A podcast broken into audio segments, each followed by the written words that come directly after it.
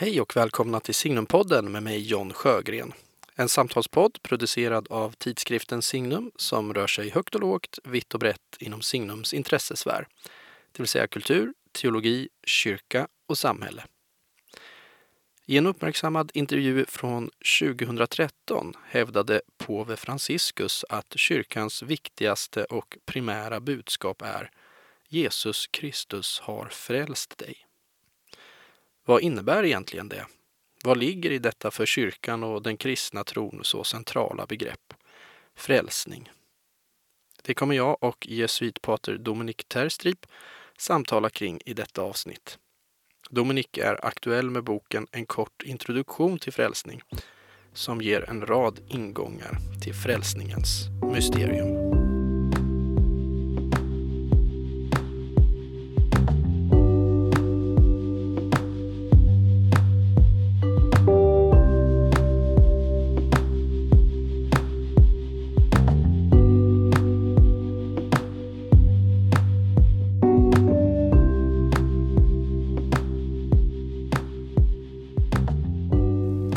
Välkommen till Signumpodden, Dominik Terstrip. Välkommen tillbaka, ska jag säga. Uh, alltså, jag måste börja med att fråga dig en fråga som... Du vet, jag kommer från uh, frikyrklig bakgrund. Och där är det här med liksom frälsningen väldigt centralt. Det som man, mm, Den mm. ständiga frågan man fick och som man fick höra, både om, till, kanske riktat till sig själv och riktat till andra, var det här är du frälst? Eller är han och hon frälst? Och det var ju en väldigt så här, tydlig skiljelinje, liksom att antingen var man frälst eller inte frälst.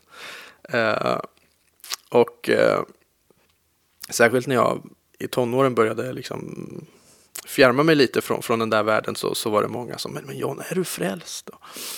Jag visste aldrig riktigt vad jag skulle svara på det där. Det är en svår fråga. Så jag börjar med att rikta den till dig nu här. Är jag? Är, är du frälst, Pater Dominik? Ja, eh, det var, det var en bra fråga också. Alltså, till att börja med kan jag säga att jag inte tror mig kunna ett datum eller klockslag Nej. då jag blir frälst. För det, så är det ju i den frikyrkliga traditionen ja, just. Och mm. Eh, sen skulle jag också tro att att det inte är en, en isolerad händelse utan att det är en process. Eh, vi kristna tror på att dopet har avgörande betydelse i och med att man blir ett med Kristus. Och jag skulle snarare säga det är början på frälsningen, på min personliga frälsning och i mig och genom mig också eh, för hela mänskligheten eftersom jag mm. kan inte se på mig som, som en avskild individ utan det som händer med mig och i mig det berör helheten det är en väldigt viktig sak för mig när det gäller frälsningstanken. Mm. Frågan är du frälst är för snäv för mig eftersom frågan borde egentligen formuleras kan vi, alltså mänskligheten, allt skapat, bli frälst och hur kan det ske? Just det, det, frågan är större så att säga än den ja, enskilda individen. Mm. Eh, men ska vi kanske börja med i det här, vad är det vi ska frälsas ifrån? Det kan väl vara en bra utgångspunkt kanske att börja i. För jag tänkte på det när jag eh, satt här utanför en stund eh, innan vi träffades. Så tänkte jag, och titta lite på människorna som gick där. Alltså, alltså jag tror att det för väldigt många är väldigt främmande för den liksom vanliga sekulära svensken idag. Att tänka sig att hon skulle behöva bli frälst eller räddad från någonting. Alltså det är i moderniteten en, en ganska främmande tanke helt enkelt. Alltså att, mm, och, och, kristendomen blir ju liksom lite apart där i det moderna kan man säga som, som är en så tydlig frälsningsreligion. Men idag finns det en ganska utbredd tanke om att nej men, det finns ingen, ja, del säger det finns ingen synd eller så, eller vi kan frälsa oss själva. Det är en ganska kan rädda oss själva. Det är också en ganska vanlig hållning. Eh, hur tänker du kring det och vad är det vi egentligen måste bli frälsta ifrån? Behöver vi frälsning? Alltså om man eh, vill ta det lite mer från grunden kan man ju säga om, man, om, om vi påstår att människan behöver frälsning då påstår vi att hon är beroende. och inte klarar sig på egen hand. Det är ett grundläggande påstående. Och eh, det är någonting som jag tror genomsyrar hela den mänskliga tillvaron på gott och ont. Alltså vi, vi är inte individer som står helt själva i världen utan i början står relationen. Det är det primära och allt annat kommer sen. Alltså jag finns till eftersom mina föräldrar har avlat mig. Eller att allting finns tror vi kristna beror på att det finns en Gud som vill lära med sig av sin godhet. Mm. Så, alltså, I början finns ju relationen. Så, och det gäller också frågan om, om frälsningen och den har ju två sidor om vi tänker på eh, befrielse. Man kan befrias från någonting och till någonting. Alltså från är den negativa delen då jag vill bli av med någonting och till är mitt mål. Men låt oss gärna fokusera först på den första, alltså mm. vad jag måste befrias ifrån. Mm. Exakt. Och jag tror om, om vi är, försöker vara ärliga med oss själva, då, då märker vi ändå det finns, hur lyckliga vi än är och framgångsrika, finns det alltid någonting som skavar. Det finns en känsla, erfarenhet av uh, otillräcklighet, uh, av oförmåga. Det som Paulus formulerar i Romarbrevet i sjunde kapitlet. Jag vill göra det goda, men gör inte det. Fast jag vet exakt vad jag, vad jag borde göra, men jag gör inte det. Eller när jag håller på med att göra någonting som är fel, vet jag exakt det här blir fel, men gör det ändå. Mm. Och det finns en, man kallar det en, en, en, en oförmåga, ehm, en maktlöshet inför vissa saker som ligger i oss själva eller om vi tänker på eh, interaktioner med andra människor. Vi drabbas ju av annat också, av det som kommer utifrån. Alltså en, en, en människas handlande som, som skadar mig till exempel. Som jag inte orsakat själv, men jag drabbas av det. Och det vill jag bli av med förstås. Och de skador och så som, som det förvållat. Och eh, vi, vi moderna människor var länge, kanske inte längre numera, men länge var vi verkligen övertygade om att vi skulle kunna skapa paradiset här på jorden. Men jag kanske... 1900-talet tror jag. Vi ja, jag tror det har, vi lämnat bak, det har vi lämnat bakom oss. Tror jag. Det finns ändå för många besvikelser om vi tänker på det blodiga 1900-talet. Eh, vi blir tillnyktrade mot, mot bakgrund av det. Man kan hoppas det i alla fall. Ja. Alltså, och om man vill dra det mer teologiskt, mer religiöst, då, då eh, kort sammanfattat är det så vi vill fria befriade frälsta från synden. Och vad är synd? Ja, det anknyter till det som jag var inne på tidigare. Om jag vill sammanfatta det kort skulle jag kunna säga att synd är, synden är ett relationsbrott. Alltså jag försyndar mig, jag bryter mot de bärande relationerna i mitt liv. Och för en troende är det relationen till Gud, för alla relationen till sig själv, till nästan och till skapelsen. Och alla dessa relationer interagerar, de är förbundna med varandra som kommunicerande kärl. Och jag tror om man försyndar sig på ett område påverkas alla andra också. Om jag till exempel driva rovdrift på, på, på min kropp genom, genom omåttligt arbete, då drabbas min nästa i högsta grad. Eller jag tar inte hänsyn till skapelsen längre och relation till Gud också eftersom jag saknar tid för att ta hand om den och så. Och man skulle kunna börja med, med vilken som, vilken relation som helst. Alltså om man då skadar den, då påverkas allt annat också. Och det är grundprincipen i allt skapat är just relation eftersom allt går tillbaka också till en Gud som är relation. Ja, och det är en viktig tanke också inom frälsningsläran. Det ska jag återkomma till sen kanske. Ja, ja, men visst, precis att Gud själv är relation och så vidare. Uh, ja men precis, det vi, vi frälses ifrån då. Vad, vad, vad är det vi ska frälsas till? Ja, det, det är intressant. Vet du vad? Vi kristna har ju ofta varit väldigt bra på att säga vad som är fel. Och det är mycket lättare. Ja, vi kan beskriva vad som är negativt och vad som inte fungerar. Och eh, eh vi kristna har ju för ibland, inte helt utan fog, att vi är lite pessimister och våra peka på det som inte fungerar. Ja. Det finns ju, om man bara ska försvara kristendomen lite, så finns det något sunt i det med den här liksom lite kristna pessimismen. Men den kan ju gå för långt, jag håller med dig. Men ofta är det svårt att formulera det positiva, vad, vad är syftet?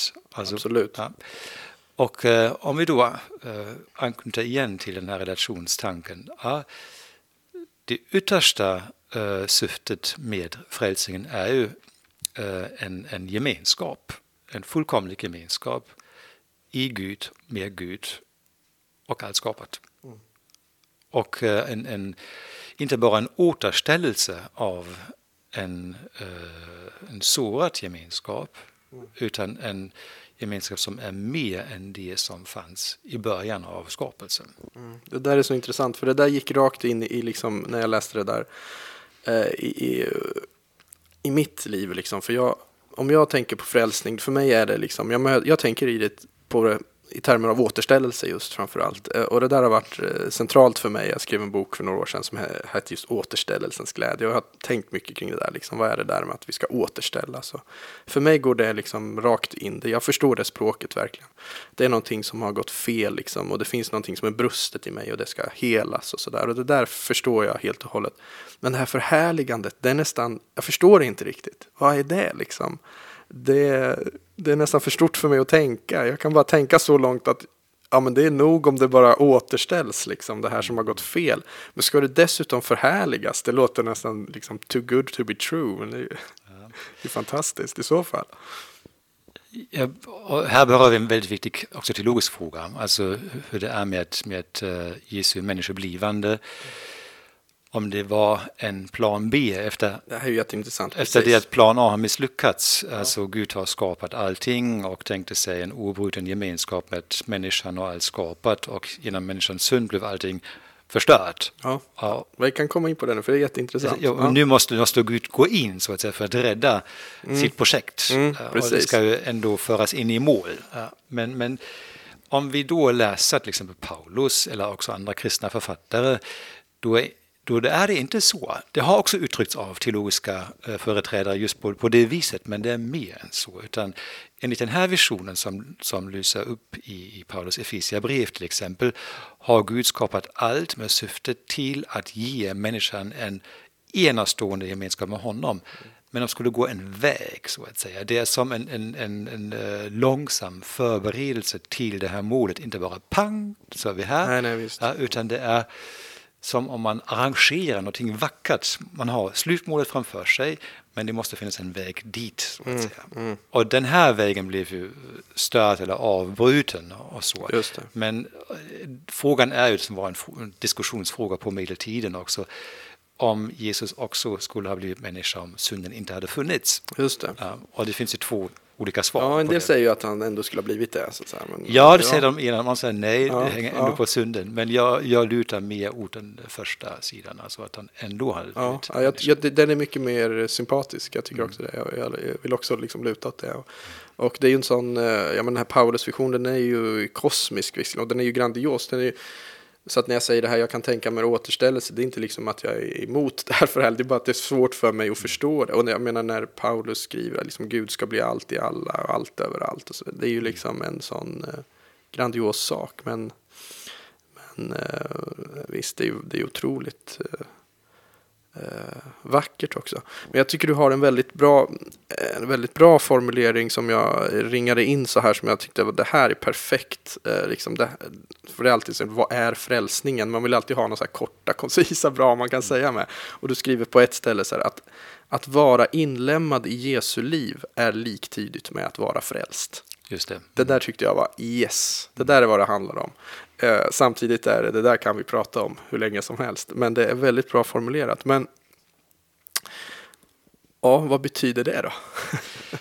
hur, och hur blir man det? Alltså, för, för jag tänker, det där är väl det vi blir i dopet också? Ja, just det.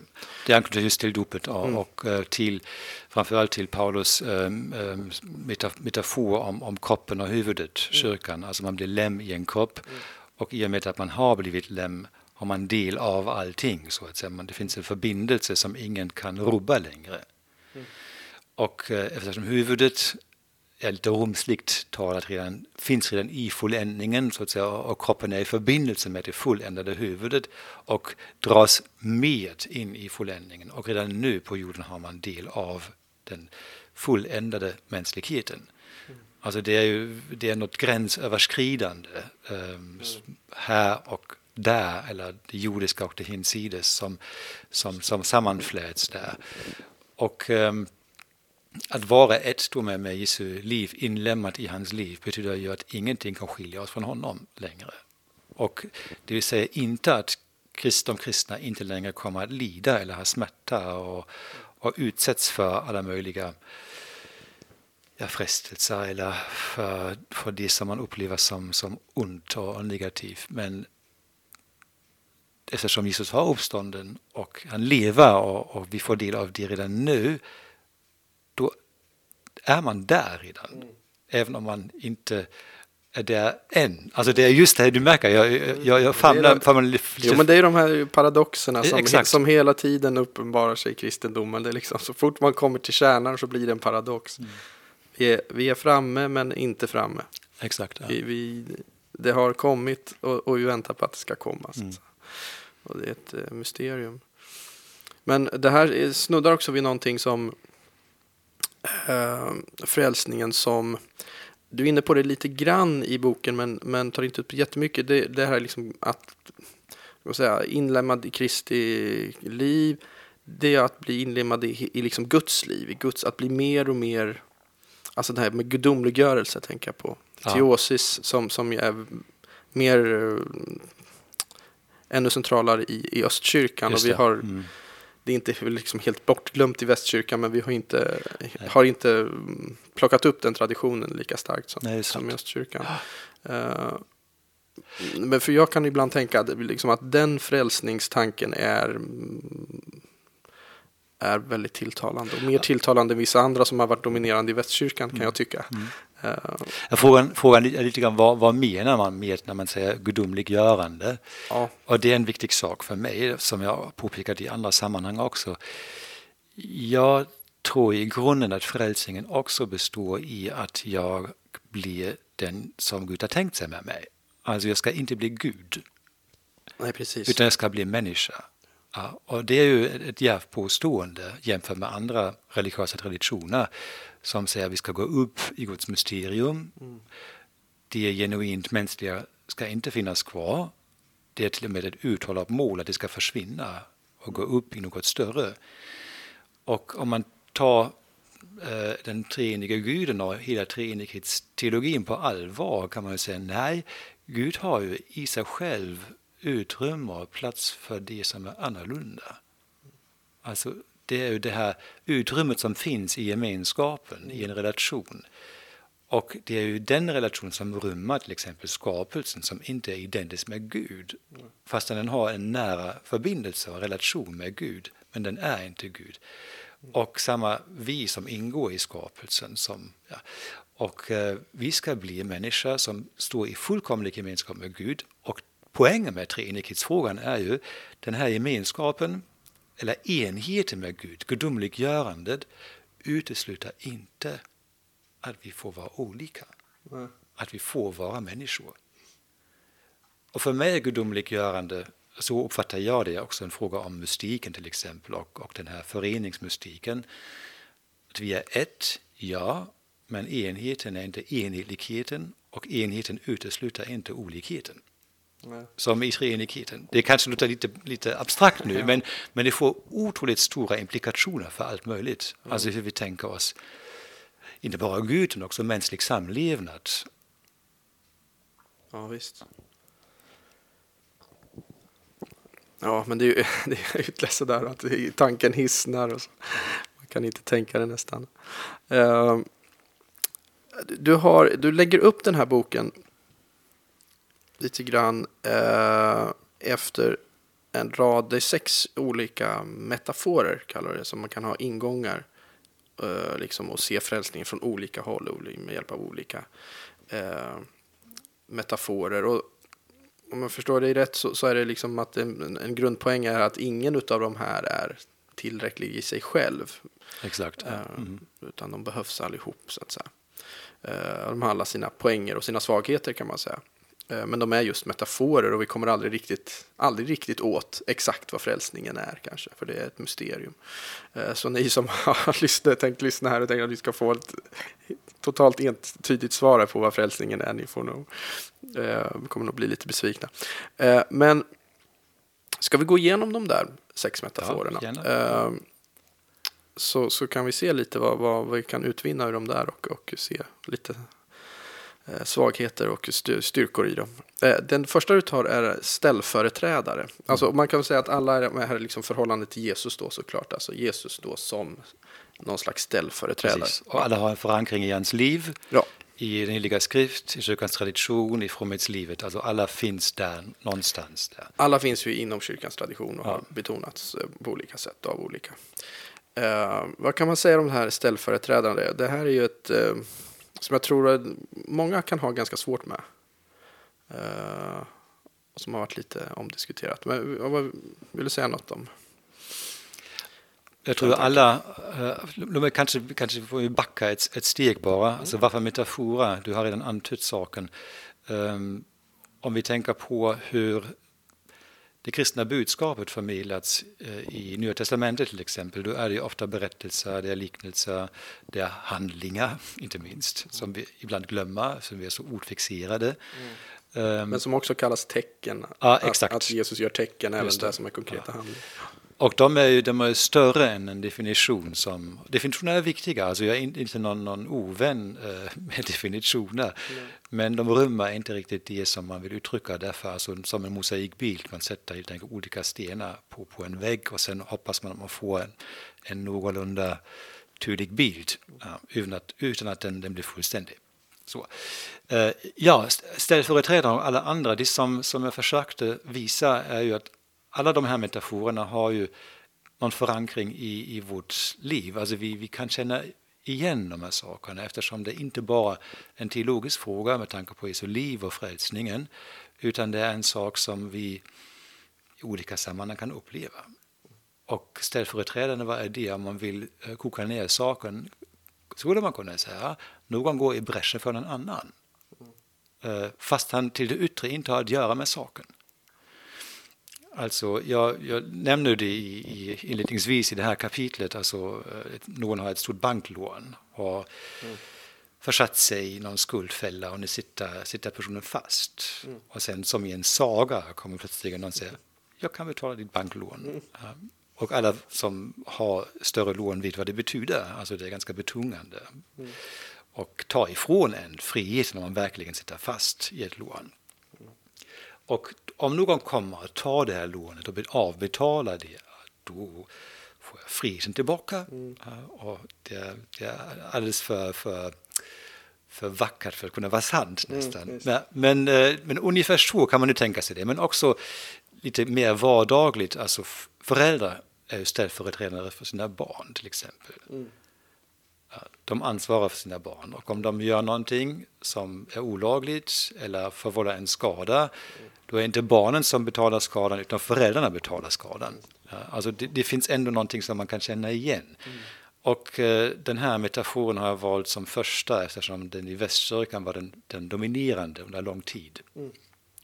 Det finns som sagt för en förankring för den i, i, i eh, Nya Testamentet och, och, också i Gamla.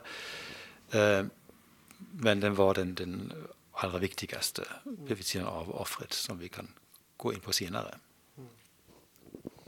Um, vad är den kritik som har lyfts mot den här eh, synen eller den här metaforen? Vad, vad, är liksom det man kan invända eller vart finns de svaga punkterna? Så Då måste vi gå, lite gå in på det, dess främsta företrädare, Anselm av ja, Canterbury. Jag, jag fiskar lite efter det. Ah, jo, precis. Anselm, Anselm var ju den som, som, inte den första som formulerat eh, tanken, men som systematiserat tanken.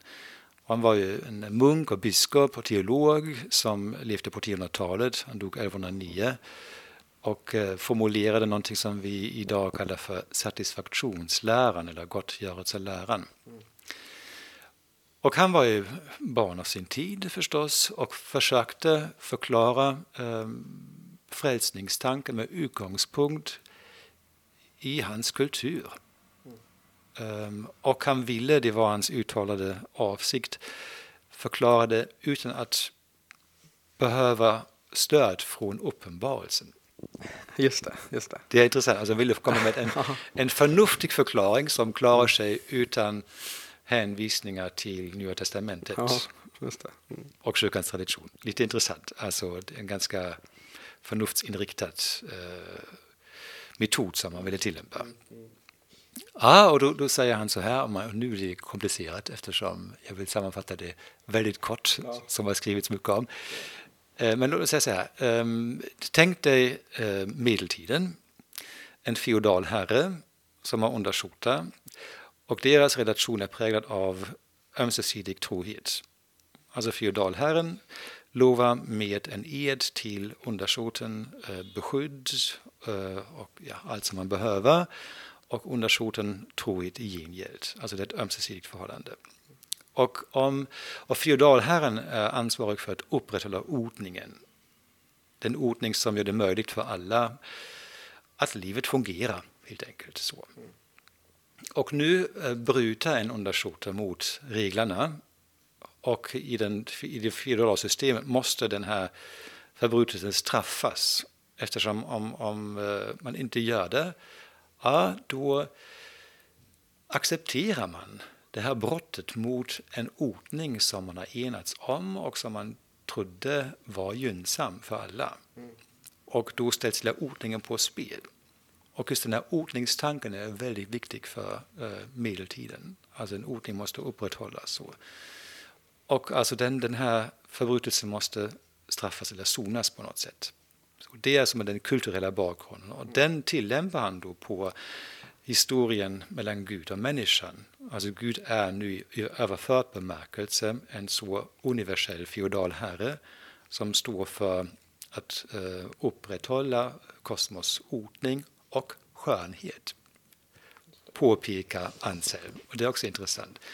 Och just människans synd är en förbrytelse mot den här lovade troheten mot den, den överste herren, så att säga, feodalherren Gud.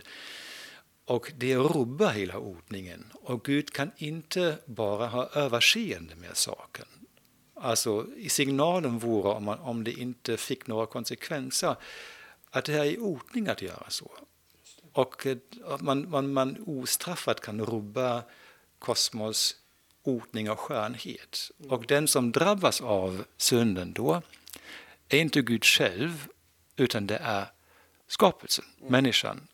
De, de drabbas av sin egen synd. Alltså det är utgångsläget så att säga. Och det är intressant eftersom det som förebrottsannseln var ofta att han beskriver en Gud som är hämndlusten och vred som, som kräver ett, ett, ett fullödigt offer. Det är den klassiska kritiken man hör. Precis. Men om man läser då hans skrift uh, Cordius Homo, varför Gud blev människa, då finns ingenting om det. Mm. Det är nästan det motsatta eftersom Anselm säger själv, Gud är nog i sig själv. Han behöver inget och ingen. Alltså ingenting och ingen kan tillfoga någonting åt honom så att säga. Han, han är som han är, så han behöver ingen mer. Mm alltså vår, vår, våra böner, vår dyrkan, vår vördnad, den ära vi ger honom gör honom inte större. Så. Alltså det kan inte vara skälet. Nej, utan han tar, lite mänskligt talat, han tar sitt ansvar. Och han upprätthåller allting. Han tar sitt ansvar. Okej, okay, nu tillbaka till. Um, om man då bryter mot den här universella lagen och um, säger upp så att säga den här ömsesidiga trohetsrelationen. Man rubbar ordningen. Ja, ja men precis. Och skadar skönheten. Ja, just det. är viktigt igen en gång. Eh, då, och det, det riktar sig mot Gud. Då är det så att säga av en oändlig vikt. Och människan har försatt sig i ett läge då hon inte längre kan eh, gottgöra skadan. Och nu formulerar han ett dilemma. Alltså, skadan är oändligt stor. Människan kan aldrig klaga den.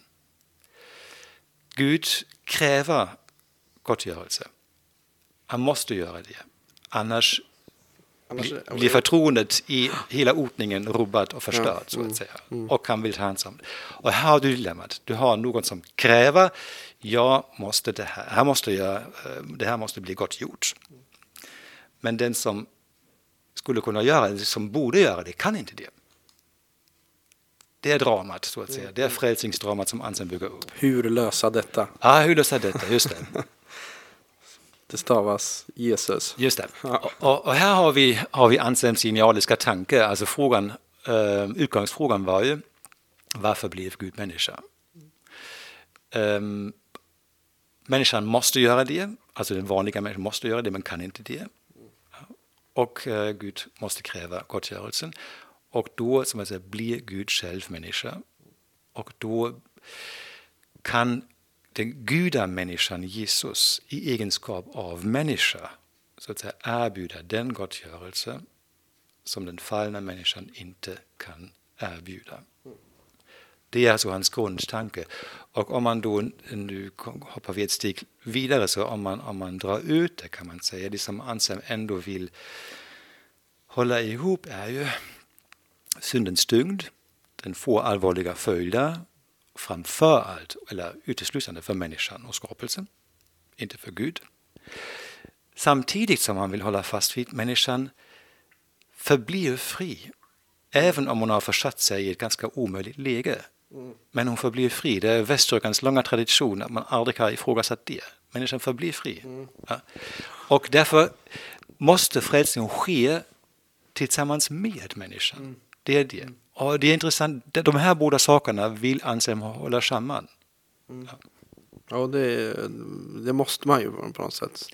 Ja, det är inte självklart. Om vi tittar på andra teologiska traditioner, Nej, då är frälsningen totalt passiv. Ja.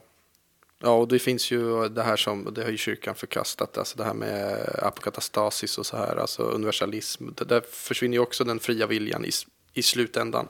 Och du måste, och det är en annan, sak som, som ingår i, i det här frihetsdramat är ju um, om Gud skulle frälsa människan utan människans samtycke mm. eller utan att människan var med på något sätt då vore det ett brott mot människan egentligen. Mm, Eftersom människan är skapad som fri varelse. Och då skulle Gud köra över henne så att säga. Ja, och det, det, är, inte. det är inte frälsning som den, som den skulle kunna ske på. Det är en, en, en viktig tanke också. Du, du, skriver på något ställe eh, ungefär så här att, att dörren till frihet måste öppnas både inifrån och utifrån. Exakt. Ja. Och, alltså av någon som både står på Guds sida och någon som står på människans sida. Lösningen alltså Jesus som både är Gud och människa. Så. Precis. Så måste det vara. Och det är precis, och därför är det en, en, en, eh, en förutsättning, alltså ja, inledning, i inledningen har jag skrivit om förutsättningar mm. och det är just inkarnationen är en förutsättning för frälsningstanken. Utan... Men Anselm är väl ändå, det här måste man ändå kalla en, en plan B? Ja. ja. Det, det, det, är sant. Fast mm. han, han, han kommer också med den här lite mer universella dimensionen, men den är inte dominant hos honom, det är Nej. sant. Ja. Mm. Just det, ja men det är en väldigt tydlig sån eh, ställföreträdare, metaforen där. Och, och kritiken var lite grann vad gäller Anselm var Ja just det, var att, där vi började. Jo, att han, för det första att han inte rekurrerar till uh, uppenbarelsen. Nej, det, det, får man väl ändå ge att det är en ganska eh, befogad kritik. Ja, precis. ja. För det andra att... Fast han skulle väl egentligen kunna göra det? Eller? Jag menar, för, för, att jag menar, det, som det, det har ju grund i Ja, självklart. Ja, precis. Alltså, allt han säger har en grund i den heliga skrift. Så det är egentligen någon fix idé. Ja, just det. Alltså, när man, när man med kristna ögon läser hans resonemang, då känner man igen bibelreferenser ja, med ja, detsamma. Visst. Och, och de diskuterar ju en del bibelreferenser också i, i uh, själva verket. Mm. Men sen den här, det här för, för strikta eller uh, starka juridiska tänkandet. Ja, det är väldigt juridiskt. Det är det, precis. Mm. Eller man kvantifierar frälsningen, alltså en, en oändlig skuld som kräver en oändlig gottgörelse. Alltså så det blir lite så här vågskålsteologi? Kan, kan urartas så. Mm, jag tror mm. inte Anselm det var han, ville det, menade inte så, men man är aldrig skyddad för sina elever. Nej, just det. Nej, Nej. precis. Nej, så är det. Eller är man det? Ja, uh, ja men precis. Uh, det är ställföreträdarmetaforen där. Uh, den går ju över ganska naturligt i offermetaforen får man ju säga. Den, de har ju såklart med varandra att göra. De har väl alla med varandra att göra här men den övergången är ju inte så, så svår kanske att göra. Uh, det finns ju oändligt mycket att säga om, om offermetaforen ja, också men, men vart ska man börja där tänker du för att uh, göra det begripligt? Jag tycker uh, kanske till att börja med att offret är det oundvikliga. Um, eftersom livet fungerar inte utan offer. Sen måste man skilja mellan olika slags offer. Mm. Alltså det, det, blir följdfrågan då. Vad menar du med offer då? Vilken typ av offer är oundvikligt? Alltså jag, jag, jag um, skiljer mellan tre olika slags offer. Det första offret är det som vi i um, vardagligt tal kallar alltså offer i samband med trafikolyckor, naturkatastrofer eller alltså någonting som, man, som, som drabbar en ofrivilligt, eh, som man inte vill ha. Så man blir, faller offer för någonting. Så. Det är den, den, en rent, ett rent passivt offer. Och det kan man ju jämföra med om man går tillbaka i historien med, med djuroffer, slaktoffer. Alltså de blev inte frågade. Förstås, det går inte. Eh, Sen det andra offret är ett, akt, ett aktivt beslut. Alltså jag offrar, frågar föräldrar till exempel. Jag offrar min tid, resurser, känslor, eh, mycket av mitt liv för, för mina barn. Eller en politiker offrar sin karriär för att han inte går med på, på vissa saker eftersom det strider mot hans samvete. Och det är aktivt, så att säga, avstå från någonting, offra någonting för något som är viktigare. Och sen finns det, en, en, det är alltså den aktiva sidan. Sen finns det ett, en, en tredje dimension i det hela som, som jag tycker är intressant eftersom den förekommer framför det kristna väldigt ofta. Och det är just det, en, en person drabbas av någonting, ett ödeslag, men säger ja till det. Mm. Alltså jag har inte valt händelsen, någonting tas ifrån mig eller jag, jag, jag blir tvungen att göra någonting eller kropp skadas på någonting och så. Eh, det har jag inte valt, jag vill inte ha det. Och det är ju det passiva i det hela. Men jag säger aktivt ja till det och gör det till mitt. Och en kristen har kanske bra förutsättningar för att kunna göra så eftersom man säger okej, okay, i det här avseendet har jag nu blivit lik Kristus. Han också drabbades av någonting, han led och jag känner mig nära honom inom det. De kristna martyrerna som inte sökte döden, de rusade inte in i döden. Det inte, var inte meningen, utan de kunde säga ja till det eftersom de kände närhet till Kristus just. Eller att de kunde vittna om att ingen kan ta ifrån dem deras liv. Och då blir man aktiv igen. Alltså då första steget var passivt, det andra aktivt. Och eh, då ganska mycket eh, ju, har ju hänt om, om jag kan kan, kan eh, se på det som, som jag drabbas av på just det sättet. Så att det inte bara blir dömt till att vara ett passivt offer utan kan ta det här i mina händer igen och göra någonting av det. Alltså det är lite fenomenologiskt att det var offer och livet i stort fungerar inte utan offer. Att folk verkligen ger någonting av sig själv och jättemycket av sig själv um, för att något gott ska kunna hända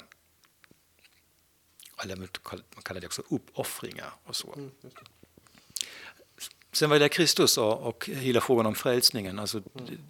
frågan om, om offret är ju jättenärvarande. Om man bara tittar, är med om en mässa till exempel, där förekommer ju ordet offer känd hundra gånger.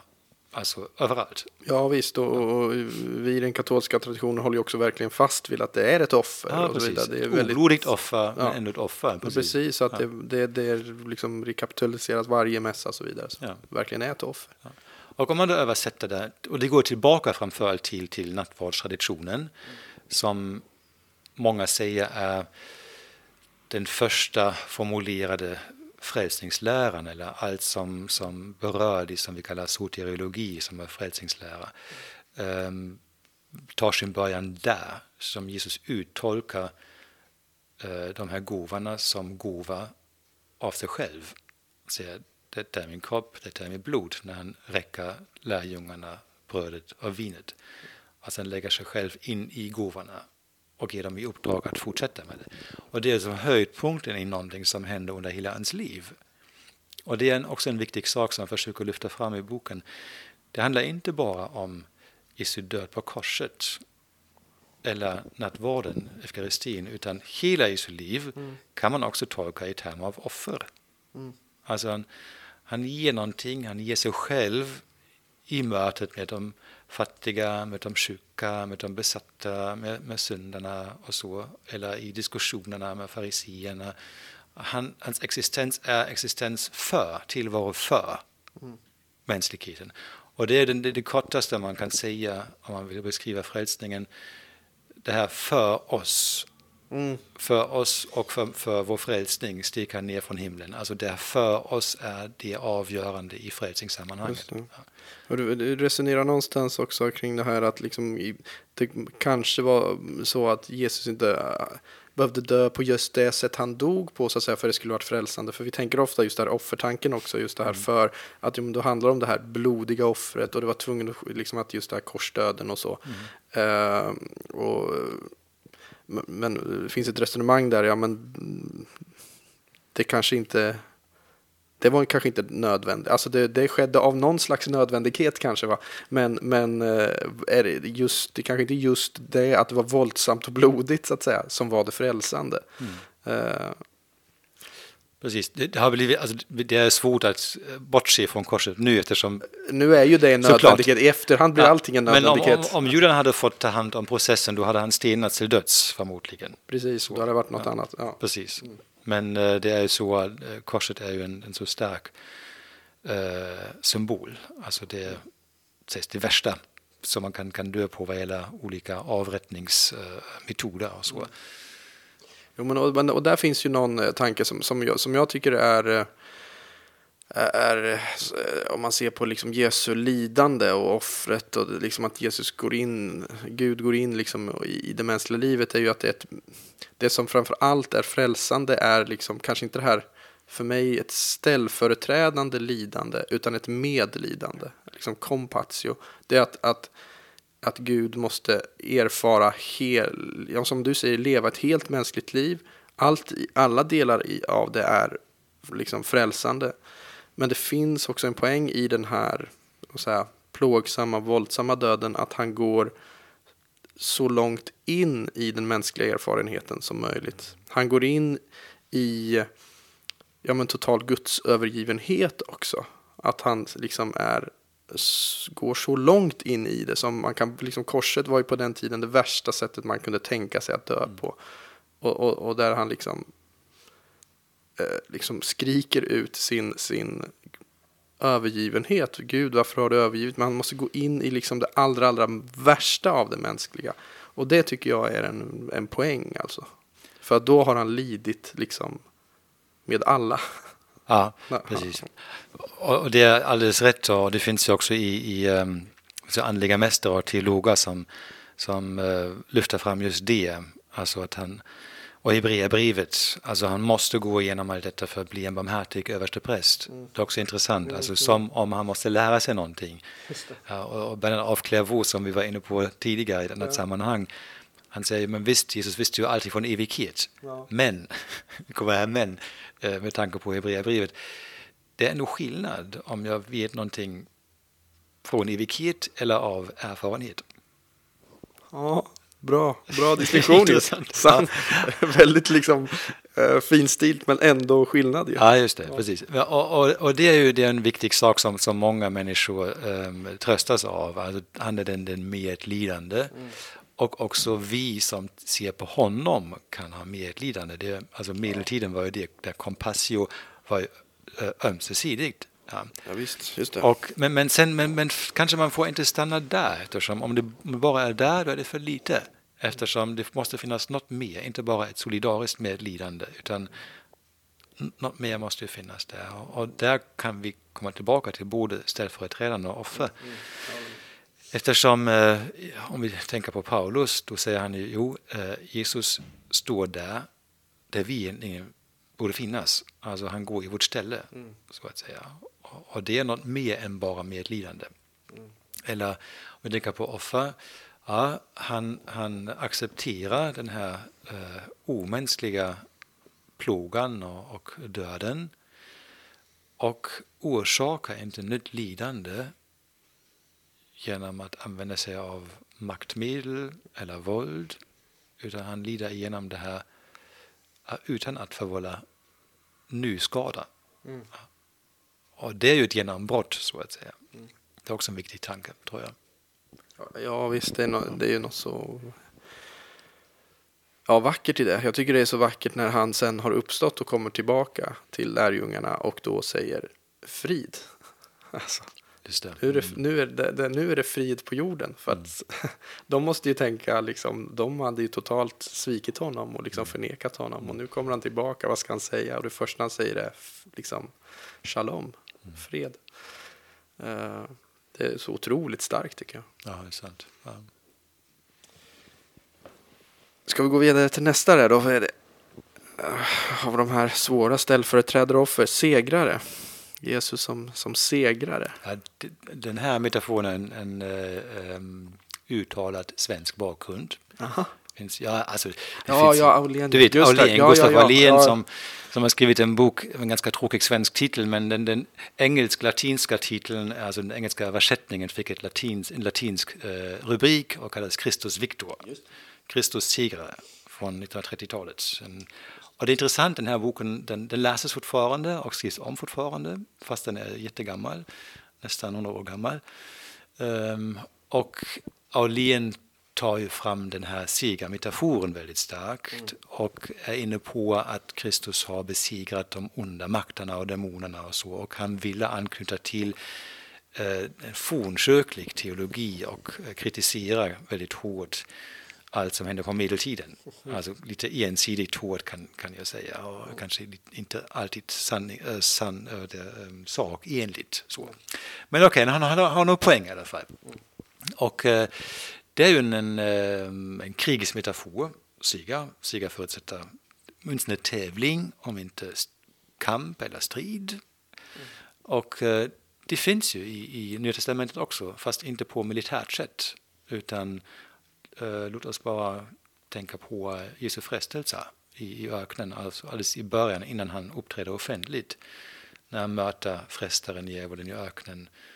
Och det är hans första seger, så att säga. han besegrar de här, den här frestaren och går inte med på, på förförelsen till makt, till egendom och inflytande och så utan besegrar honom där. Det är det första genombrottet och på det viset lyfter också kyrkofäder som Irenaeus av Lyon fram. Då uppvinner han den första segern och det fortsätter sen med segern på korset. Mm. Det intressanta är, och det också här kan vi titta på vad, vad metafor eh, är, alltså metafor tar ju ett begrepp från ett område och för över det till ett annat område. Mm. Alltså låt säga seger kan hämtas från det militära eller från idrotten och förs över till det teologiska nu. Och, och, och, då måste man akta sig för att man inte drar ut metaforen för långt. Ja, eftersom den inte stämmer i alla avseenden. Nej, men det är nästan alltid problem med metaforer. Exakt, den är skev. Ja. Eh, men det händer också någonting med metaforen, den förändras ju. Eh, den, den förblir inte opåverkad av att en teolog tar upp den. Och i det här fallet med segrare, ja, segern då är inte en seger i, i vanlig bemärkelse. Alltså jag trampar på mina fiender mm. och uh, de krälar där nere och, jag har uppvunnit en, en, en lysande seger. Utan segern vinns ju genom att Jesus dör och går under. Mm. Totalt paradoxalt. Men uppstår också. Där. Också uppstår, ja. exakt. Men Ändå är det inte en seger som, som vinns genom inte på det här världsliga. Nej, inte genom våld, nej, nej, inte nej, genom att för, fördela någon nej, eller så. Eller att man är, ja. Men, och det finns ju hos eh, Paulus också, så det, det här liksom, eh, sen ska han, eh, liksom, den sista fienden döden ska han övervinna. Så att det, de här segermetaforerna finns ju där också. Självklart. Ja. Eh, det går väl också in lite i nästa metafor, befriare. Mm. Mm. Det är den, den mjukare varianten. Den mju det, det, det, ja, men det är väl lite sant så får man väl säga. ja, ja, men alltså, lite samma fast... Kanske, ja, inte riktigt, men... Nej, det, kan inte, det är en förskjutning förstås. Ja. Och det är inte av en slump, tror jag, att det är olika tider som, som lade märke till de olika metaforerna. Mm. En befriare är ju någonting som som på systematiskt sätt inte kom förrän på mitten av 1900-talet, alltså 1960-talet. Mm. Och då talar vi om befrielseteologin, mm. den så kallade befrielseteologin som kommer från framför allt Latinamerika. Precis. Och eh, med utgångspunkt i erfarenhet av maktlöshet, fattigdom och um, utanförskap mm. av stora grupper i samhället.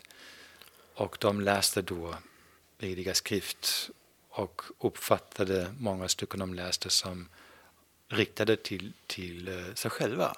Mm. Och det är intressant, alltså någon, någon, någon läshändelse kan man säga. De läste texterna på, på nytt sätt. Mm. Det är inte bara någonting som hände då Israels folk som fördes ut ur Egyptens trädgårdshus. Nej, det är någonting som, som vi mm. ska kunna ja, uppleva, uppnå, engagera oss för. Ja. Och där kommer du också in på frågan, liksom frälsningens liksom, konkreta konsekvenser i livet här nu. Vad gör vi med liksom orättvisa? Alltså, visst, visst, vi kan prata om att vi har världen är frälst i någon mening, Jesus har frälst oss, liksom det har skett någonting med, med, med liksom Jesus händelsen, om inkarnationen och med hans död uppståndelse. Men, mm. men vi lever ändå fortfarande i en brusten värld, ska inte det här få konsekvenser? Ska inte vi få liksom hur ska vi engagera oss konkret för att i någon men, mening liksom sprida frälsningens, eh, eh, ja, på något sätt, på ett konkret sätt göra någonting. Eh, och där finns ju en svår, svår balansgång. Och svår, det är en mycket viktig punkt. Alltså, ja. Någonting måste ju kännas redan här. Ja, och någonting måste det ju göra med våra liv och vad vi, Exakt, ja. Hur vi lever våra liv. Och liksom. annars, annars kan det lätt äh, framstå som att man förtröstar folk med ja, ja, någon gång e Exakt. Alltså efter det här livet. Ja, så, så blir det bra ska du säga. Ja, precis. Ja. Men, mm. men, äh, och det kan inte vara liksom vad kyrkan ska göra. Nej, kristendomen är inte byggt så heller. Om nej. tänker på det, Den har ju kanske varit så ibland. Alltså att, ja, men, men det är ju inte dess kärna. Liksom. Det är inte men tänk bara på, på, på kyrkans insats för marginaliserade, för fattiga, ja, visst, visst. för sjuka. Det har ju funnits från början. Ja. Alltså då hade man redan då en idé om, okej, okay, frälsning är inte bara något fram, en framtida Nej. grej, utan det är här och nu ja. det gäller. Inte bara, men också här och nu. Mm. Annars skulle man säga, säga till den, den obotligt sjuka, det, det, är bra, du dör snart, uh, ja. vi tar inte hand om dig, uh, det, snart är det slut och så får mm. du stiga upp till himlen och, och bli fulländat. Men så gjorde man ju inte, Nej. utan motsatsen. Till skillnad från omgivningen då. Mm, ja, snarare, snarare, är det liksom den här eh, medvetenheten om det här frälsande som har skett som har drivit på att engagemanget så att säga, för. Ja. Uh, sen kommer en ganska uh, intressant uh, metafor här som, som man kan tycka låter nästan lite modern sådär, läkare. Just det, läkare, inte terapeut. Nej, inte terapeut. Det hade varit väldigt, det hade känts väldigt modernt. nu hade ni ju eh, Gud och Freud här för några ja, veckor sedan. Exakt. Eh, mm. Per Magnus Johansson som var här och snackade. Eh, men nej, precis, det hade känts ännu bättre. men, men läkare, men det, det går ju way back så att säga. Jesus var ju, det får man ju säga, rent konkret, mm. en helare. Ja. Så var det ju. Och det var en, en mycket populär metafor i, i fornkyrkan. Mm. Det finns också en del konstnärliga uttryck på det. Alltså som läkare eller senare apotekare också. Alltså som har olika ingredienser som man uttolkar det lite symboliskt. Eh, mycket, mycket roligt faktiskt. Um, lekfullt. Ja. Men, men visst, läkare har ju en, en eh, förankring i Nya Testamentet när Jesus botar sjuka. Ja, tar hand om demoner här, vi kanske terapeuten, ingen aning. Ja, lite, lite grann av det i alla fall. Och äh, ähm, frälsning är också helande. Um, och det är, om man tänker på andra språk, alltså latin till exempel, salvare, salvatio, salvator, alltså mm. det är någonting som, som går ut på att bli hel igen. Mm. Och den, den, uh, det kroppsliga tillfrisknandet är ju ett konkret uttryck på att en människa blir hel igen. Mm. Och det är mer än bara det kroppsliga, utan det är ett förebådande kan man säga för det liksom, som komma skall. Ja. Och, och, när Jesus helar folk i, i, ehm, i evangelierna så är det ju också alltid liksom en djupare innebörd i det. Det är ju inte, det är inte, det är aldrig bara ett fysiskt helande. Nej. Det är det, men så är det pekar det. Precis, ofta syndaförlåtelsen och helandet går hand i hand. Visst, ja precis, det lyfter du fram bra, ja. precis, att mm. det är, de hör tydligt ihop. Ja, ja precis. precis. Och också att det ofta är, eh, det tycker jag är intressant, eh, apropå det vi var inne på tidigt, vi pratade om synden som det som bryter relationerna. Mm. Också att helandet ofta är att då blir personen en del av gemenskapen igen. Alltså som eh, lepra sjuka på den tiden som Just vi var det. utstötta. Ja. Då kunde de bli en del i gemenskapen igen. Eller liksom den eh, blödande kvinnan som ju då var liksom ut, mm. utstött. Mm. Liksom. Mm. Så att det är också ett helande utav att kunna ingå i en relation igen och ingå i gemenskapen igen. Precis, frälsning att återskapa den brustna gemenskapen. Exakt, ja. den brustna relationen som ja, är precis. precis där vi mm. börjar. Den sista då, eh, lärare. Det ska jag faktiskt villigt erkänna, det är den jag har svårast med faktiskt. För den, det har, du skriver där någonstans att den bygger på logiken att frälsning förutsätter kunskap. Och i någon mening är det rätt, så liksom, jag håller ju med va. Mm. Men det finns någonting som skaver i mig där också, för då är det, ja men alla de här då som inte vet någonting om frälsningshistorien mm. eller Jesus, eller låt säga de här som inte har kognitiva förmågor att det, är, det är förstås lite um, apodikt, apodiktiskt sagt, ja, ja, ja. såklart. Men, sen, men förstår du mitt ja, ja, in, initiala, liksom det här, mm, det kan inte hänga på kunskapen. Nej, men liksom. sen, sen är frågan vilket uh, kunskapsbegrepp vi tillämpar här. Absolut. Och, och, kunskap är för mig större än intellektuell kunskap. Mm. Man skulle också kunna säga, om, om du bara har en medvetenhet mm. för att du behöver frälsas eller så, behöver vi befrias. Mm. Uh, och det, det, det, tror jag har alla. Ja, det tror jag. Det tror jag är en mänsklig ja, grunderfarenhet. Det är svårt att krypa in i andras känslor och hjärnor förstås, mm. Men, mm. men det tror jag nog. Men, men det här med, med lärande är ju uh, också en, en, en, del av Jesu Precis liv, som att undervisa. Mm. Ja, det finns ju långa tal i Johannes evangeliet eh, och bergspredikan inte minst och, och kan undervisa helt enkelt och, och förklara mm. för folket vem Gud är och vem man själv är. Och, så. och det passade ju bra till det, det, antika samhället där lärarna hade en så hög status också. Och det fanns ju en del kyrkolärare som, som betecknade Jesus som filosof och kristendomen som filosofia. Och det hade ju ett ganska sent eh, eko då i medeltiden där man klostren kallade för, för filosofiskolor. Mm. Man, man, vad är då filosofin? Ja, mot bakgrund och inspirerad av Jesu lära skulle man lära sig att leva. Mm. Eftersom filosofi är inte är en diskurs först och främst. Vilket vi har helt kommit från idag då, liksom ja, filosofi är någonting man håller på med på man universitetet. Man ska lära sig att le leva, det, det, är, det är syftet med, med den antika filosofin och, och det arvet tog klostren upp och förde vidare in i vår tid. Ja, nej men jag håller med, det finns ju såklart ett, ett, ett, ett läroinnehåll så, såklart som är en del av det, det, det frälsande. Eh, jag tänker att vi ska avrunda lite grann. Eh, men jag, tycker det, jag tror det är sista stycket i boken som, som jag tyckte var eh, starkt. Och det kan återknyta lite till där vi började också. För du avslutar det med att skriva någonting i stil med att du frågar dig så börjar frälsningen när vi inte längre kan trygga oss med någonting? När vi inte längre spelar teater inför oss själva och andra? Uh, och det här, jag tycker det är jätteintressant för alltså är det, är det så att för att kunna liksom öppna sig för frälsningen eller öppna sig för hela den här verkligheten som vi har försökt ringa, ringa in här nu måste man liksom först gå sönder lite grann? Ja, kanske det. Eller inse sin egen behov av frälsning då? Alltså. Ja, sin begränsning och i, i mångt och mycket sin vanmakt också. Ja. Men jag tänkte, det är en bit att komma dit först. Eller är det en del av frälsningsprocessen, att krossas?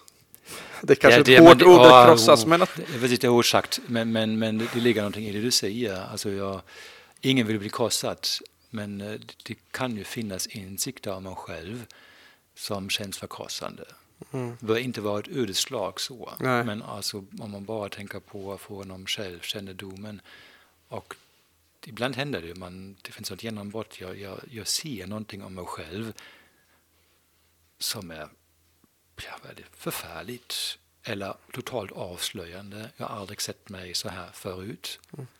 Och jag inser kanske misslyckanden men också min vanmakt i den här frågan. Jag kommer inte längre.